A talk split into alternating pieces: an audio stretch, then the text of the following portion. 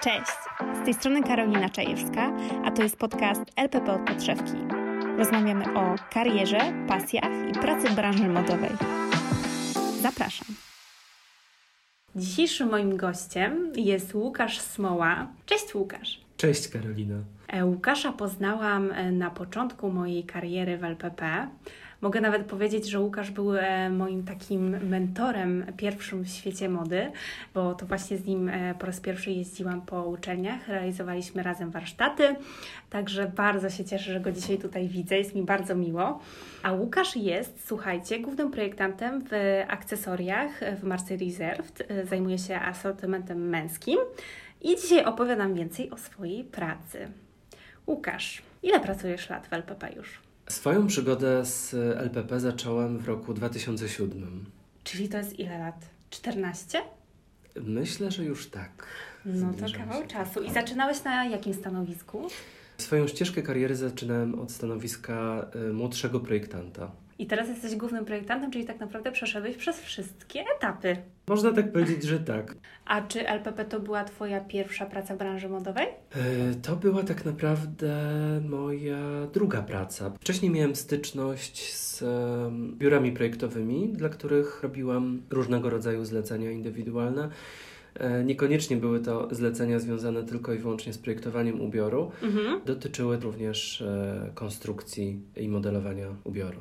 Łukasza, powiedz mi, gdzie zaczęła się Twoja miłość do mody? Czy Ty e, jako młody chłopak już wiedziałeś, że chcesz iść w tym kierunku? E, no tutaj muszę powiedzieć, że od wczesnego dzieciństwa tak naprawdę, ponieważ e, u nas w domu zawsze była maszyna, mama zawsze, zawsze szyła dla siebie sukienki, mhm. dla babci. I tutaj no, bardzo dużą rolę moja siostra odegrała w w kwestiach związanych z, z, moją pasją i z tym, czym się zajmuję obecnie. Moja siostra była dla mnie bardzo dużą inspiracją, ponieważ w czasach, kiedy byłem dzieckiem, ona już e, kończyła technikum młodzieżowa i to było bardzo inspirujące podglądać jej rozwój, jej rozwój mhm. co tam się dzieje w tych zeszytach, e, bo to już też było e, po części projektowanie, także od dzieciństwa. Nasi słuchacze nie mogą e, tego zobaczyć, ale Łukasz dzisiaj przyniósł na spotkanie właśnie zeszyt swojej siostry, naprawdę bardzo piękny i świetnie zachowany, gdzie robiła notatki z lekcji i ma swoje rysunki. Tak zastanawiam się, być może potem Łukasz zgodzi się, żebym zrobiła parę zdjęć i wrzuciła je w komentarzu do tego podcastu w mediach społecznościowych, bo to rzeczywiście jest e, kawał historii. No dobrze, Łukasz, czy w takim razie w związku e, z tą inspiracją swoją siostrą zdecydowałeś się na określony kierunek studiów? Tak, w dzieciństwie mm, nie traktowałem tego jakoś specjalnie poważnie, natomiast kończąc szkołę podstawową, już zacząłem brać e, pod uwagę kontynuację już w, bezpośrednio w profilowanej szkole, czyli to była szkoła zawodowa, później to było technikum młodzieżowe, to było 6 lat edukacji. Ten proces był bardzo złożony, ale zaplanowany przeze mnie. To było moim celem i marzyłem po prostu o tym, żeby zdobyć te wszystkie tajniki konstrukcji, materiałoznawstwa i tak naprawdę już kończąc zawodową szkołę, przechodząc do technikum, to już był ten kolejny level i to, to już było cudowne, y, jeżeli chodzi o dalsze działania, bo dotyczyły również szycia miarowego. Kiedyś przy każdej szkole odzieżowej funkcjonowały punkty usługowe bądź sklepiki, do których każdy mógł przyjść. Naprawdę? E, tak, to było, to było niesamowite. Super! Jak w czasie się troszeczkę przemieszczę, to, to faktycznie bardzo mile wspominam tamten czas, ponieważ e, mogłem poprzez szycie miarowe tą wiedzę zgłębiać, e, mając już wcześniejszą e, wiedzę z zakresu materiałoznawstwa konstrukcji i na pewno, na pewno to bardzo mi pomogło w e, pracy zawodowej, w, dalszej, e, w dalszym rozwoju. Ale to jest świetne, że no teraz masz takie poczucie po przejściu tej całej drogi, że wiedza, którą zdobyłeś wtedy jako młody człowiek, dała Ci dobre podstawy do tego, żeby się rozwijać w tym kierunku, w którym działasz teraz, no bo mm, żyjemy w takich czasach, że często zmieniamy tutaj swój profil, a ty, no jednak od wielu, wielu lat jesteś tutaj prawdziwym pasjonatem. A jak to wyglądało e, ze studiami? E, jeżeli chodzi o studia, to też tak naprawdę był e, w 100% zaplanowany proces, bo tak naprawdę już kończąc szkołę technikum odzieżowe, mhm. szkołę odzieżową, już zacząłem uczęszczać na kursy na Akademii Sztuk Pięknych w Łodzi na której też miałem przyjemność studiowania. Także od początku był to zaplanowany, zaplanowany proces i trochę też kroczyłem śladami siostry, ponieważ siostra y, kończąc technikum młodzieżowe również ukończyła Akademię Sztuk Pięknych. Rodzinny biznes. Rodzinny biznes, tak. Rozumiem, czyli taka wspólna pasja. A co najlepiej wspominasz ze swoich studiów? Czego tam się nauczyłeś, co ci to dało? Każdy etap tak naprawdę, jeżeli chodzi o drogę edukacji, rozwoju, y, niósł za sobą bardzo wiele ciekawych, nowych bodźców, które motywowały do dalszego działania. I tak jak w szkole odzieżowej y, były dodatkowe y, zajęcia, dodatkowe warsztaty, ponieważ tak to dawniej w cyklu edukacyjnym było zaplanowane, że poza tą wiedzą podstawową były jeszcze zaplanowane warsztaty. Miałem przyjemność e, zgłębiania tajników, jeżeli chodzi o szycie garniturów w fabryce Hugo Bossa. Mm-hmm. w Polsce, ponieważ kiedyś e, jeszcze były, funkcjonowały państwowe zakłady pracy. Wiele zagranicznych marek do Polski przynosiło swoją produkcję, więc to, to, było, to było bardzo ciekawe doświadczenie, które też bardzo mi pomogło poukładać procesowo tą wiedzę teoretyczną w opozycji do, do realiów, mm-hmm. jakie funkcjonowały.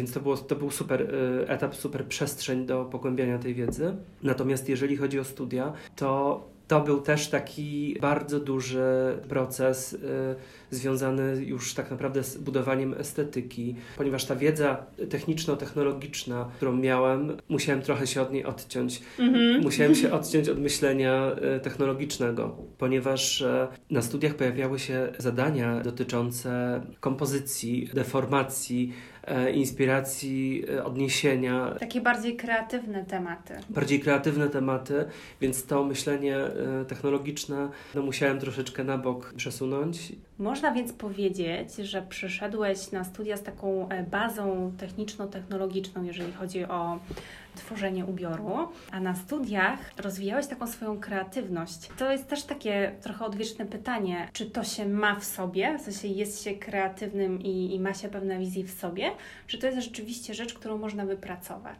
To jest tak naprawdę proces złożony, bo to zależy no, indywidualnie od każdego, od naszych y, preferencji. U niektórych da się to wypracować, Natomiast y, trzeba sobie po, postawić pewne wyzwania i pewien cel i uświadomić sobie przede wszystkim, czym w przyszłości chcemy się zajmować. Bądź też odseparować czasami te działania, które robimy na studiach, no bo to są też ćwiczenia różnego rodzaju, które mają pobudzić y, nasze zmysły.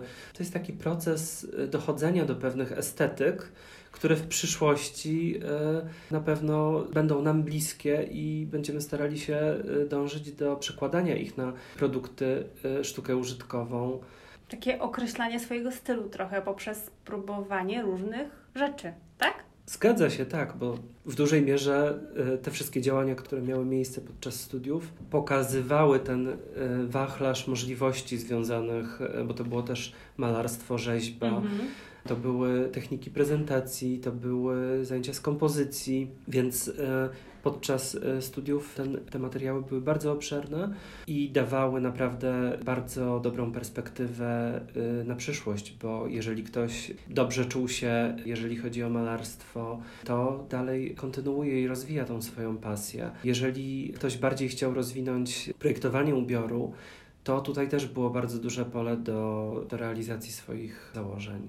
A jak y, już przejdziemy do tematu Twojej pracy w LPP, tych kilkunastu lat y, pracy i rozwoju, to jakimi asortymentami Ty się zajmowałeś? Czy to się zmieniało na przestrzeni czasu? Jeżeli chodzi o asortyment, to y, tutaj no, swoją ścieżkę kariery z firmą LPP zacząłem od y, projektowania y, jeansów. Akurat byłem świeżo po stażach, które miałem możliwość odbyć w VF Corporation, dokładniej w fabryce Wranglera i Lee. Podczas czy trwania szkoły odzieżowej, czy podczas studiów starałem się być bardzo aktywny i brałem udział w różnego rodzaju konkursach, które też e, pozwalały mi e, po części realizować mo moją estetykę, moje wizje w tamtym czasie e, ale też dzięki tym konkursom pojawiały się właśnie dodatkowe staże. I pojawił się ten staż, który no, był takim kluczowym też stażem i, i punktem przełomowym, bo zakochałem się w denimie, w jego możliwościach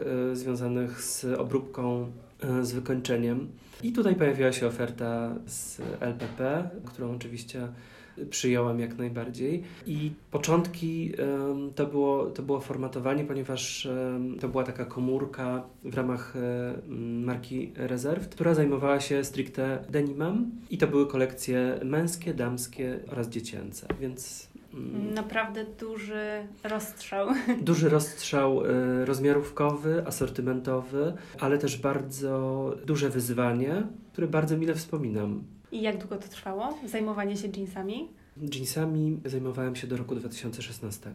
Później, po etapie denimowym, miałem możliwość uczestniczenia w budowaniu marki Talinder, e, co było też bardzo ciekawym doświadczeniem i też przede wszystkim bazowaniem na europejskich jakościach. I tutaj już zaczęła się moja przygoda z akcesoriami.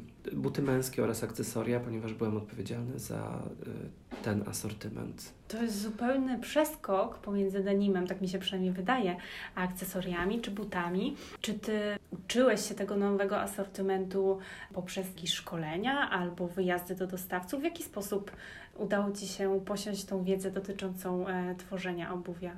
Bo to jest trudny temat. Zgadza się. Jeżeli chodzi o obuwie, to jest dosyć rozległy, złożony proces. Torby również mieszczą się w tym poziomie skomplikowania mhm. produktu. To są mm, grupy asortymentowe, w których jest szeroka mnogość e, komponentów, e, drobnych detali. Tak naprawdę odświeżyłem częściowo ten proces, ponieważ w szkole odzieżowej mieliśmy podstawową wiedzę z zakresu nie tylko dotyczącego materiałoznawstwa czy włókiennictwa szeroko pojętego, ale w dużej mierze to ta wiedza, którą pozyskałem wcześniej w, w, tym okresie szkoły odzieżowej, po prostu musiałem ją odświeżyć, zajrzeć trochę do tych starych mhm. zeszytów. Mm, przydały się. Przydały się na pewno. No bo tutaj głównie też e, trzeba było odświeżyć tą wiedzę z zakresu skór, rodzajów skór. Bardzo dużą rolę odegrały tutaj wyjazdy do fabryk, do producentów włoskich bądź portugalskich, więc to doświadczenie w trakcie procesu stopniowo nabywałam.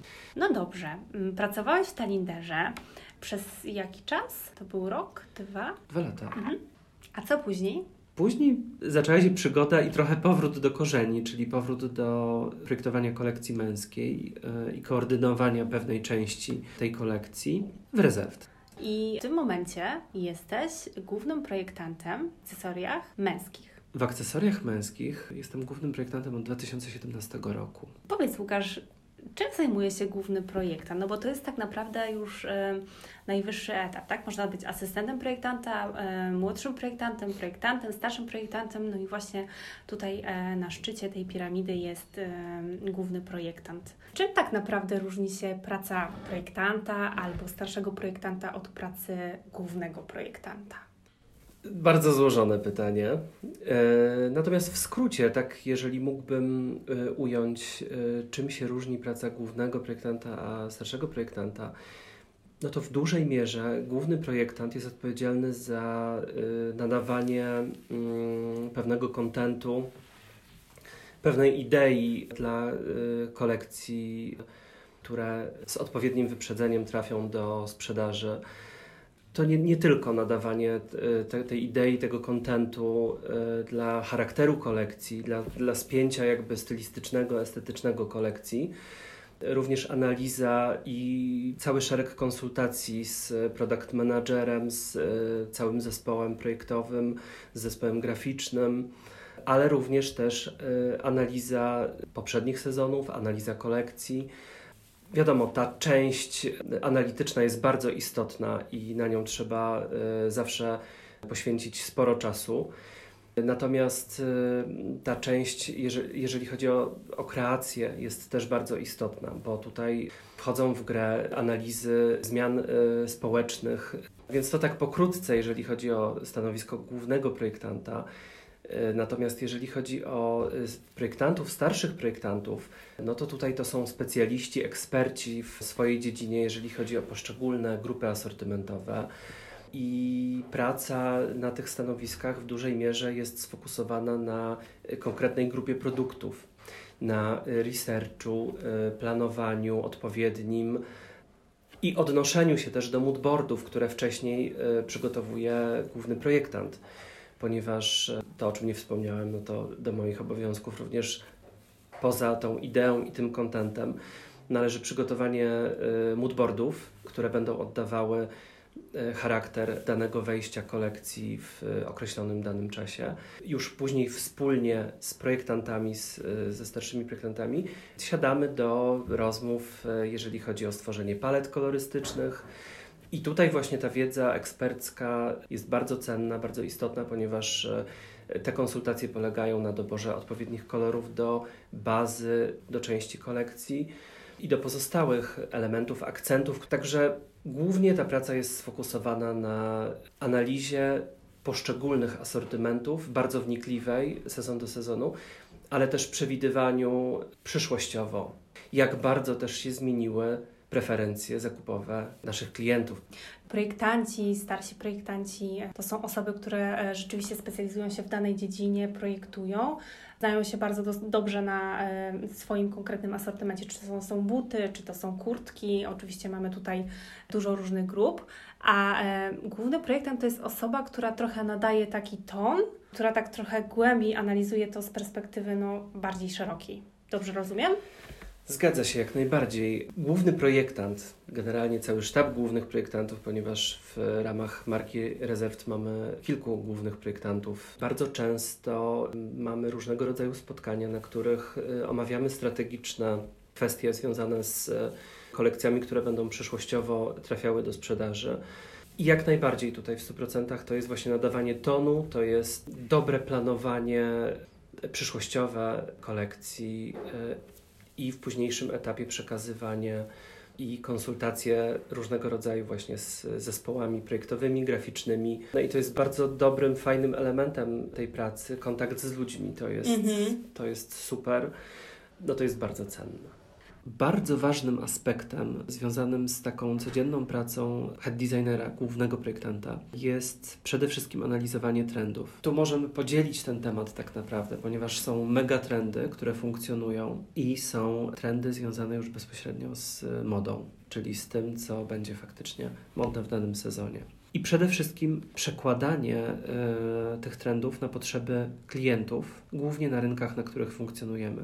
Praca głównego projektanta to również stała weryfikacja potrzeb rynkowych, y, przewidywanie, planowanie estetyk, ponieważ to, to nie jest tylko jedna estetyka, to jest wiele estetyk w przypadku akcesoriów. Swego rodzaju jest to trochę taka inżynieria, dbałość o y, detal. To jest bardzo kluczowe w takich codziennych działaniach. Czym różni się trend od megatrendu? Mógłbyś podać jakieś przykłady?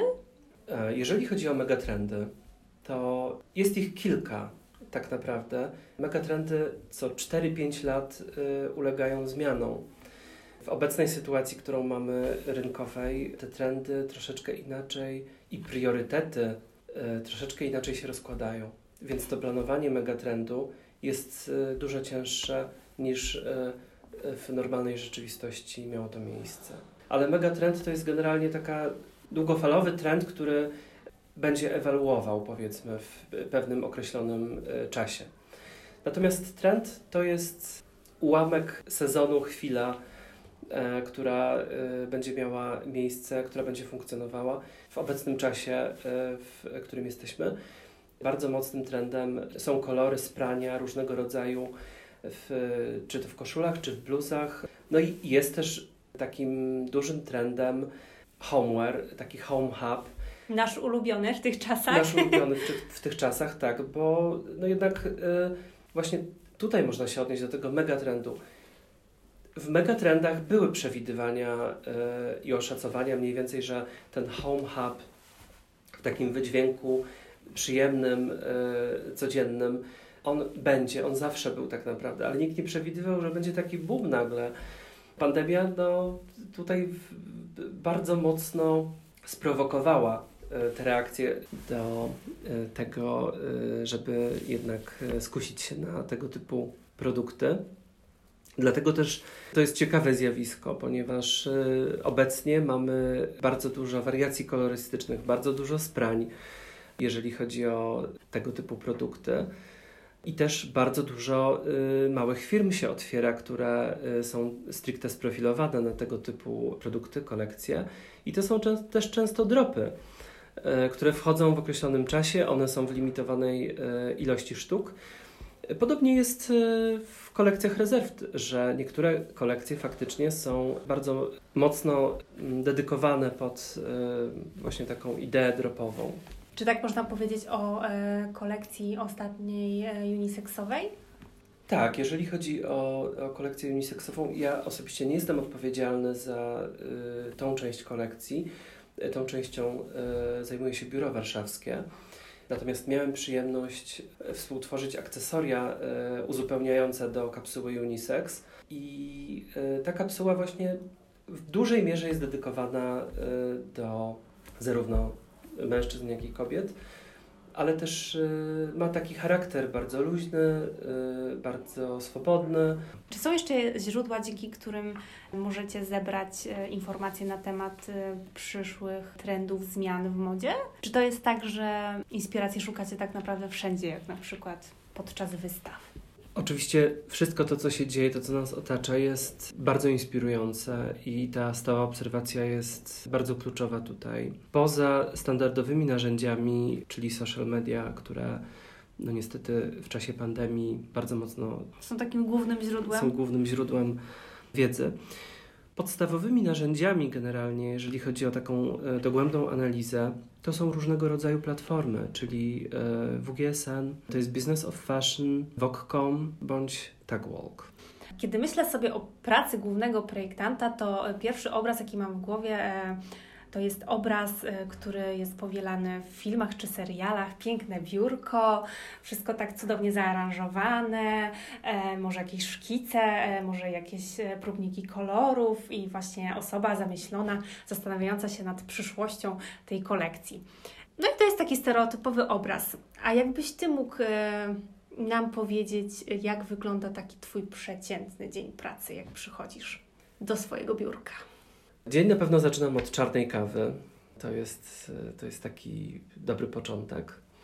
E, No i tak naprawdę od spotkań, które już wcześniej były zaplanowane. Spotkań dotyczących e, zamówień poszczególnych grup asortymentowych, też czasami spotkania w gronie tylko projektowym, graficznym w związku z potwierdzeniem grafik na część kolekcji bielizny bądź e, zatwierdzenia e, projektów e, do kolekcji butów męskich czy, czy toreb męskich. Takie bieżące konsultacje dotyczące kształtów, jakości, kolorów i wszystkich drobnych elementów, które wchodzą w skład poszczególnych produktów grup asortymentowych. To są też wizyty w centrali, ponieważ tak się składa, że siedzimy w różnych lokalizacjach, jeżeli chodzi o działy przygotowania produktu. I czasami to są też e, wyjazdy Czasami jak brakuje mi e, trochę takiego odejścia od tego, co na co dzień robię, to staram się korzystać z biblioteki tkanin, którą mamy w centrali, która jest bardzo, bardzo dobrze prowadzona. E, wiem, że zawsze do tej biblioteki mogę podjechać i dziewczyny, które prowadzą tą bibliotekę, zawsze są dobrze przygotowane, jeżeli chodzi o jakości, o tkaniny. Praca na stanowisku głównego projektanta to również tematy związane z koordynacją bieżącego sezonu pod kątem organizacji e, różnego rodzaju wzorów do wcześniej zaplanowanych komunikacji czy bieżący kontakt e, z działem VM. Chodzi tu głównie o instrukcje wizualne, które dotyczą produktów, jak one będą rozmieszczone w poszczególnych kategoriach salonów. Równolegle poza sezonem trwają prace nad domknięciem bieżących zamówień, czyli w tym momencie, w którym nagrywamy, zamykamy sezon jesienno-zimowy, y, a w tak zwanym międzyczasie trwa już planowanie sezonu wiosna-lato 2022, czyli kolory, podstawa kolekcji, na czym będzie się opierała i takie podejście strategiczne. Tak jak już mówiłem y, wcześniej, praca głównego projektanta to analizowanie, konsultacja. Ten pierwszy wstępny etap y, przygotowania strategicznego do budowania kolekcji, do tego, jaka ta kolekcja będzie. Bo umówmy się, że te czasy, w których żyjemy, to nie są czasy, kiedy e, można było zaplanować sobie na rok, dwa lata, e, pięć lat strategię, która się sprawdzi i która będzie realnym odzwierciedleniem potrzeb e, rynku. E, teraz musimy bardzo, musimy, no, praktycznie większość branż musi bardzo mocno, intensywnie przyzwyczaić się do tej stałej zmiennej, codziennej stałej zmiennej. To jest bardzo fajne dla mnie osobiście, ponieważ y, uważam, że to nadaje też fajny rytm, że to nie jest monotonne to jest nieprzewidywalne, ale też bardziej można się zagłębić w pewne aspekty, których wcześniej nie analizowało się, nie dotykało się tych aspektów. Tak jak e, mówiłem, zaczynałem e, pracę od e, młodszego projektanta, od stanowiska młodszego projektanta, poprzez projektanta, później starszego projektanta. Każdy z tych etapów, każda z grup asortymentowych, którymi się zajmowałem, była super przygodą na przestrzeni tych wszystkich lat. Natomiast teraz na stanowisku głównego projektanta mając tą wiedzę taką bardziej rzemieślniczą, teoretyczną, praktyczną w związku z jakościami, z konstrukcją, ta wiedza jest bardzo potrzebna, istotna właśnie w takim szerokim planowaniu przyszłościowym. Czy zajmując się akcesoriami, masz jakiś produkt, y, który cenisz najbardziej? Czy są to buty, może torby, może coś innego? Jeżeli miałbym wybrać, to zdecydowanie wybrałbym tutaj buty i torby ze względu na proces i mnogość tych e, komponentów, drobnych detali i też proces produkcyjny, który jest bardzo skomplikowany, ale też piękny, bo lubię też wiedzieć, ponieważ wcześniej projektowałam buty i torby, lubię też wiedzieć, w jakich fabrykach podszywane są te wzory i części składowe przede wszystkim, z których powstaje ten produkt. Łukasz, czy jest jakiś projektant albo dom mody, którego twórczość cenisz najbardziej? Tak naprawdę był. I tym projektantem był Alexander McQueen. Jego twórczość cenię tutaj bardzo, bardzo mocno, jeżeli chodzi o jego wcześniejsze kolekcje. Wiadomo, że dom mody Aleksandra McQueena dalej funkcjonuje. Natomiast w okresie, w którym projektował kolekcję, zajmował się tym budowaniem napięcia tak naprawdę przed sezonem, bo jego kolekcje były wspaniale wyreżyserowane, zaplanowane y, o każdy detal, o każdy szczegół. Y, wiadomo, czasy się też zmieniły, potrzeby się zmieniły, natomiast y, jeżeli chodzi o ulubionego projektanta, to właśnie był nim Alexander McQueen.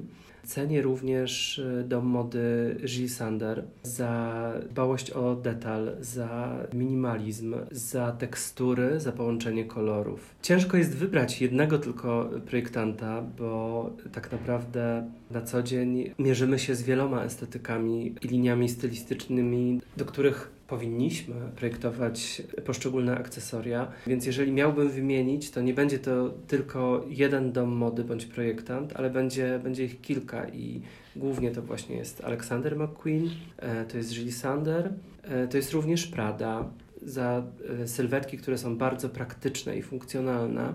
I to jest również Dior. W ogóle dom mody Christiana Diora który ma bardzo bogatą historię, który teraz bardzo mocno też ewoluował, ale to jest również e, Saint Laurent, więc ciężko jest tak naprawdę... Wybrać jedną osobę, czy Wybrać jedną osobę, bo jak sięgnę jeszcze czasów, kiedy oprócz historii sztuki przerabiało się historię mody, czyli te początki domów mody, to też jest, też jest bardzo fajnym aspektem, bo na przestrzeni lat bardzo często y, domy mody upadały bądź odradzały się w zależności od tego, jaką grupą są zarządzane mm, te wielkie domy mody. Natomiast y, warto znać te podstawy. Wiem, że moda to nie tylko Twoja praca, ale też ogromna pasja i że zdarza Ci się realizować swoje własne projekty i szyć w domu. Czy teraz pracujesz nad czymś? Obecnie mam zgromadzone materiały oraz skóry, które czekają na odpowiedni moment, ponieważ to nie jest tak, że zaplanuję ten proces. To jest proces twórczy. Tutaj e, muszę mieć odpowiedni moment, muszę mieć odpowiedni czas, muszę mieć odpowiedni nastrój i zdarza mi się czasami odszywać czy płaszcze, czy drobne elementy akcesoriów skórzanych. Mamy teraz szczególne warunki na świecie i na pewno mają one wpływ na e, wiele aspektów naszego życia. Czy według Ciebie moda mocno się zmieni ze względu na pandemię? Myślę, że moda tak naprawdę e, już się zmieniła stała się na pewno bardziej e, komfortowa, funkcjonalna, praktyczna. Zauważyłem e, wielki powrót streetweara, kątem obserwacji social mediów, ulicy, e, lokalnie i też globalnie. Bardzo ciekawe zjawisko, jeżeli chodzi o, o streetwear, który się odradza. No uważam, że jest to wielkie odrodzenie, ale w takim nowym, świeżym wydaniu. Do marynarki nie trzeba już zakładać odprasowanej koszuli. Może to być równie dobrze bluza z kapturem, a co według Ciebie będzie najmocniejszym, jednym z najmocniejszych trendów w modzie męskiej w tym roku? Na co warto zwrócić uwagę?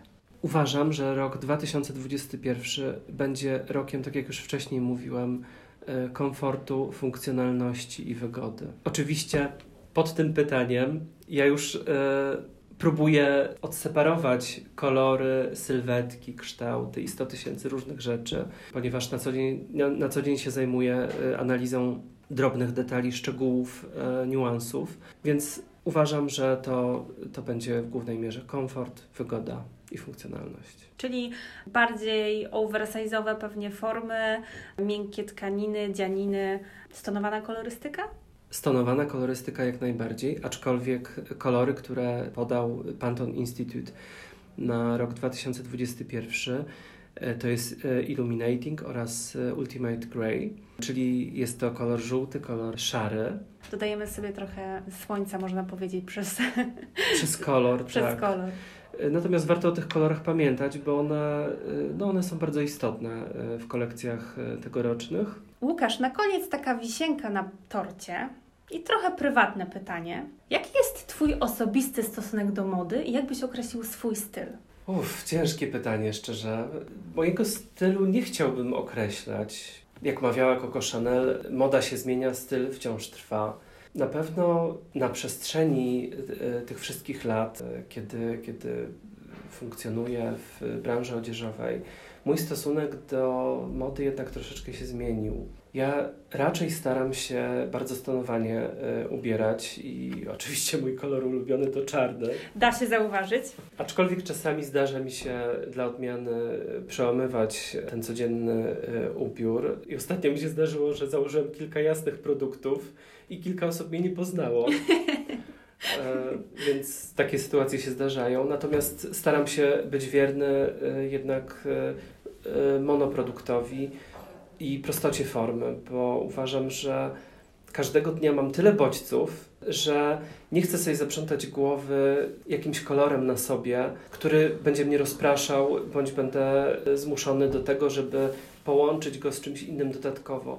Ten produkt musi być taki bardzo mono, nie wybijający się ponieważ e, jednak w takim codziennym funkcjonowaniu dla mnie istotne jest to, żeby mój ubiór nie rozpraszał jednak. To jest taka trochę strefa komfortu mm -hmm. moja e, wewnętrzna. Też nie chcę wyjść trochę, e, nie, nie, chcę, żeby to wyszło trochę w takiej formie, że z lenistwa mam pięć czarnych t-shirtów i dwa czarne Nie, nie, nie, to nie jest tak. To bardziej chodzi o to, y, że jednak ta strefa komfortu jest bardzo istotna mm-hmm.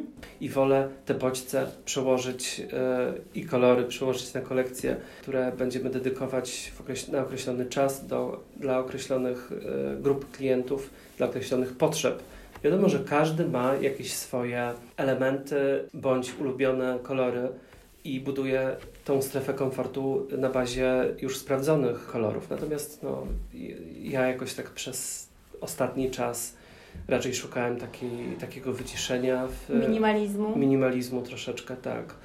Bo jednak to bardzo y, ułatwia życie y, niż zastanawianie się każdego dnia, co do tych butów, bądź co do y, danej góry będzie pasowało z dołami. Mm.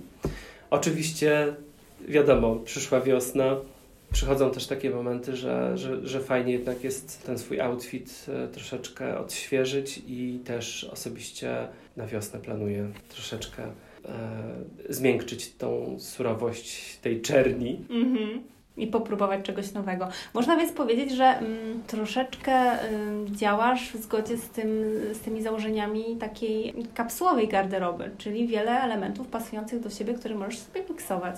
Raczej tak. To y, też się wiąże z przemyślanym, już wcześniej zaplanowanym dobrze porządkiem w szafie, którego na razie jeszcze nie mam.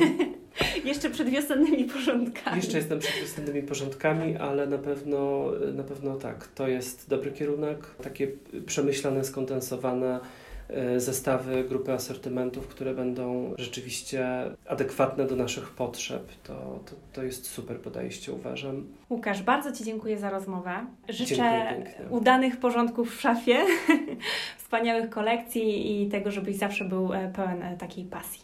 Dziękuję również. Dziękuję, do usłyszenia.